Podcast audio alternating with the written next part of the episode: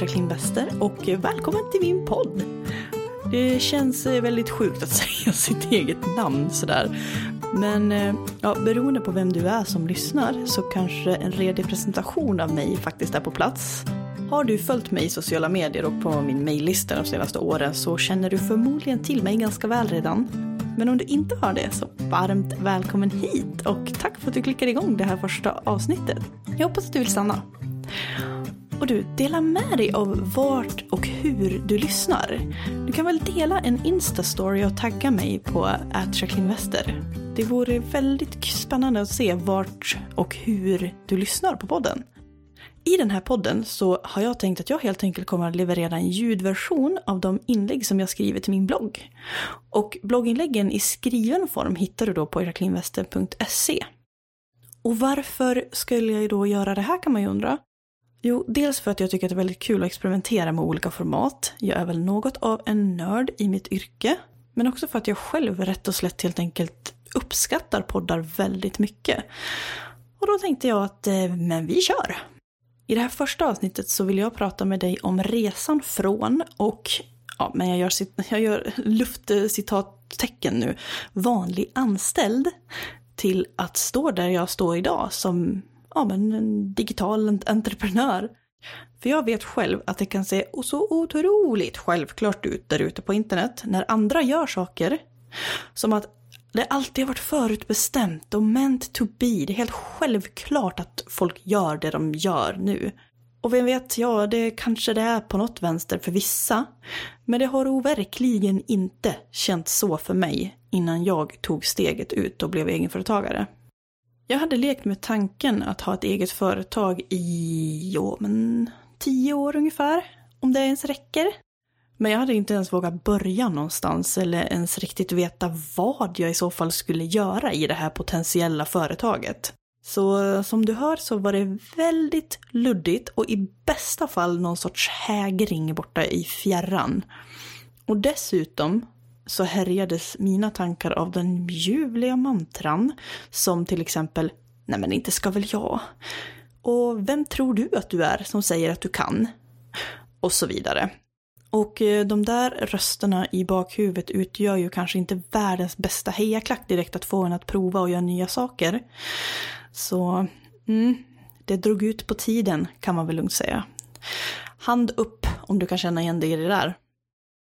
Till råga på allt så har jag alltid undrat hur det skulle gå att få ihop det, så att man kan leva på det. Så här i efterhand, eller ja, snarare nu under tiden som jag gör det, så inser jag att om jag bara hade haft koll på mina siffror från början och en validerad affärsidé, någonting som vi kommer att prata mer om i podden längre fram, så är det långt ifrån omöjligt. Tvärtom. Varför det inte skulle gå borde vara frågan man ställer sig. Men där och då så gick det bara inte ihop i mitt huvud.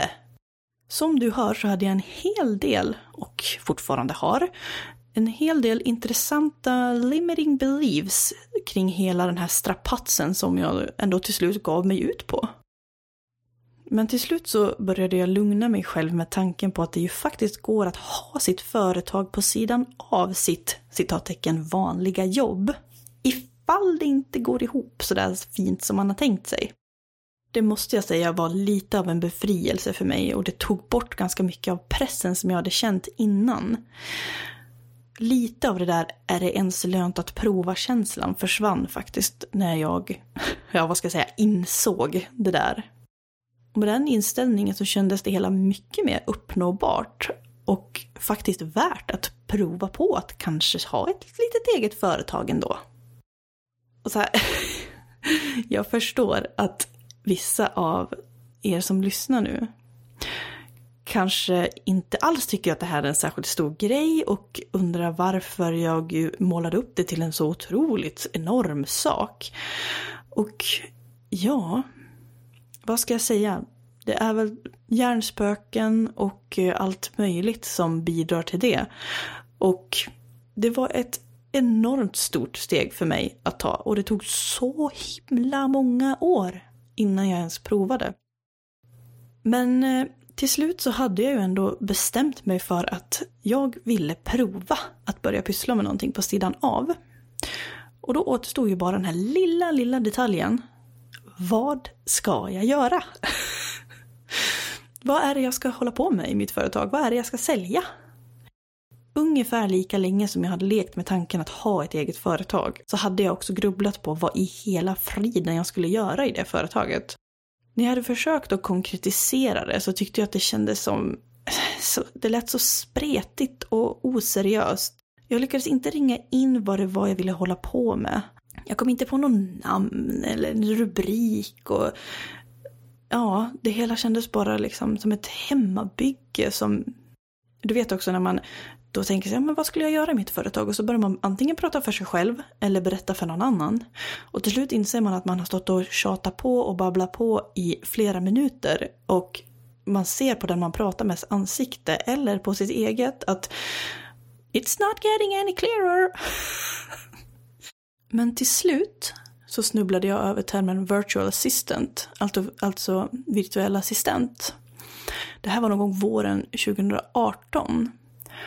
Och då var det som att pusselbitarna bara föll på plats för mig. Det var ett helt perfekt paraplybegrepp som jag kunde fylla på med precis vilka färdigheter som jag ville, som jag besitter. Och som jag ville utveckla då och ha i mitt företag, i min tjänsteportfölj. Efter den här insikten var jag så peppad att köra igång på direkten. Inte en sekund till kändes det som att jag hade att förlora. Men då var det ju den andra lilla, lilla detaljen. Att jag var supergravid när jag bestämde mig för det här. Men då mindes jag ganska direkt att jag hade läst om en annan kvinna som heter Paulina som jobbar på Ditt barn och du. Som faktiskt var ledig deltid med sin lilla bebis och höll på med sitt företagande på sidan av. Och där kom ju då ännu en pusselbit som föll på plats. För det var någonting som jag faktiskt hade gått och tänkt på att jag gärna ville ha någonting att göra på sidan av eh, bebisledigheten som är mitt projekt och som inte handlar om att vara mamma och eh, handlar om bebis på något sätt. Jag vill använda och utveckla mina färdigheter trots att jag skulle vara hemma och vara föräldraledig. Det kändes så himla viktigt för mig att ha ett sammanhang där jag var jag. Vuxen, yrkesperson. Och även om det stundvis såklart var jobbigt att ha en ny liten bebis och förstagångsförälder och förstagångsföretagare och alltihopa det där. Så är det någonting som jag står fast vid än idag. Att det var en bra grej för mig att göra. Det passade mig. Jag var gladare mamma tack vare att jag fick stå kvar med ena foten i ett sammanhang utanför föräldraskapet. Så till slut gjorde jag det. Jag kastade mig ut med mitt första frilansjobb som virtuell assistent. Och jag kommer alltid vara så himla glad och tacksam för de magiska kvinnor som tog mitt erbjudande där i allra första början.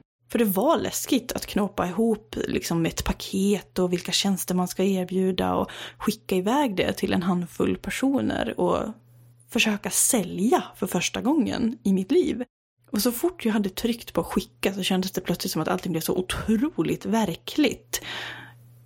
Jag menar, om man kollar mejlen ofta så kan jag ju säga att den frekvensen ökade ju markant efter att jag hade skickat iväg de där mejlen.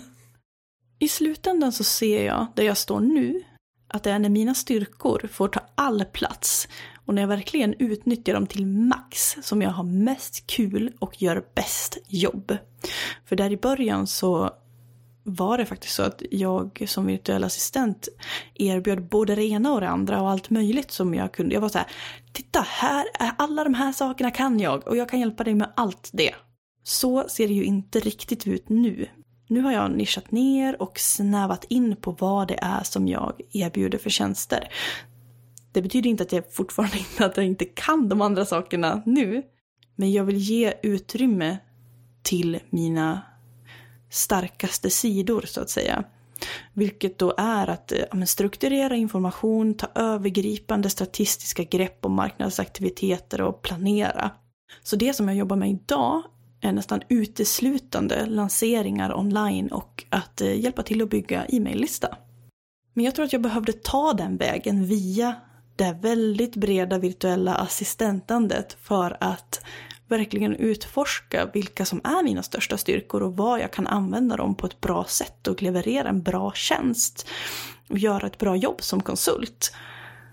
Och dessutom ha kul på kuppen. För jag är ju en sån där person som blir lycklig av att sitta och organisera data i ett Excel-ark till exempel. Ibland kan jag fortfarande inte begripa att mitt företag är mitt jobb. Att det blev så till slut, att jag lyckades med det. Att jag har byggt upp och fortfarande bygger upp det här själv och tillsammans med mina kollegor online. Och att det tog så himla lång tid innan jag vågade prova. Mer än tio år efter att tanken på att driva eget först slog mig. Men så, då kan man ju fråga sig vad var det då som egentligen som gjorde skillnaden? Att jag till slut gjorde det? Eller ja, började göra det, för man är väl aldrig klar med företagandet. ja, vad kan det ha varit? Att jag blev äldre? Visare? Ja, kanske det. Men det som jag vet gjorde eh, all skillnad var att jag började sätta mig själv i sammanhang med personer som gått före mig. Jag började söka upp och umgås med andra entreprenörer som hade vågat och som var så generösa med att dela med sig av sina erfarenheter och ja, kanske viktigast av allt att de peppade och trodde på mig när jag luftade mina drömmar om att gå i deras fotspår. Med det sagt så vill jag såklart poängtera att det är inte som att jag har varit utan support på annat håll tidigare. Jag är väldigt lyckligt lottad att ha fina människor omkring mig. Men det var ändå en viktig pusselbit att ha personer omkring mig som har gjort exakt det som jag vill göra. Och som både kunde och fortfarande kan dra mig med sig. Och med tiden några att nörda ner sig tillsammans med. Som är insatta i den här online-entreprenörsvärlden. Och den här grejen, det är någonting som jag tror att jag kommer ta med mig resten av livet och ta med mig det genom livet. Alltid. Även för framtida äventyr och idéer som ska förverkligas. Och något som jag tror att du som lyssnar också kan ha stor nytta av att tänka på. Att alltid vara noggrann med vilka personer som du har runt omkring dig. Se till att ha personer omkring dig som är stöttande, men som också har modet att säga till dig rakt ut när du är på väg att göra någonting crazy. Eller köra i diket på något vis. Personer som både lyfter upp dig, men som också vågar ifrågasätta och utmana hur du tänker och hur du ser på dig själv och omvärlden. För att bara ha en massa ja-sägare runt sig, eller nej-sägare, det slutar inte väl i slutändan. Man vill inte ha bara det ena eller det andra.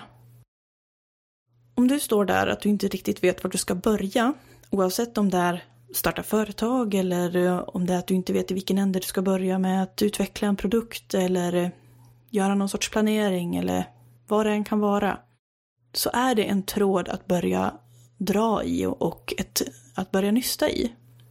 Hur kan du placera dig själv i sammanhang som stöttar dig i den utveckling och den riktning som du vill gå?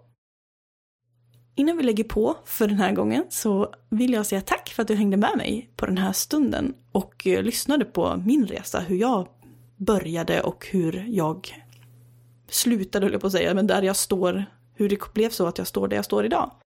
Framöver kommer vi att prata mycket mer om just digitala lanseringar, bygga e-maillista och digitalt entreprenörskap. Och jag tänker så här, om du har följt mig innan, antingen på Instagram eller på bloggen eller både och, och på min mejllista, så vet du ungefär vilken sorts innehåll som jag brukar skapa.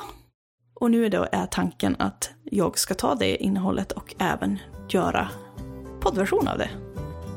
Jag tycker att det här ska bli jätte, jättekul och tack så mycket för att du har lyssnat. Mig hittar du på Instagram om du söker på Jacqueline Wester där du gärna får följa mig. Eller så hittar du mig också på min sajt jacquelinewester.se.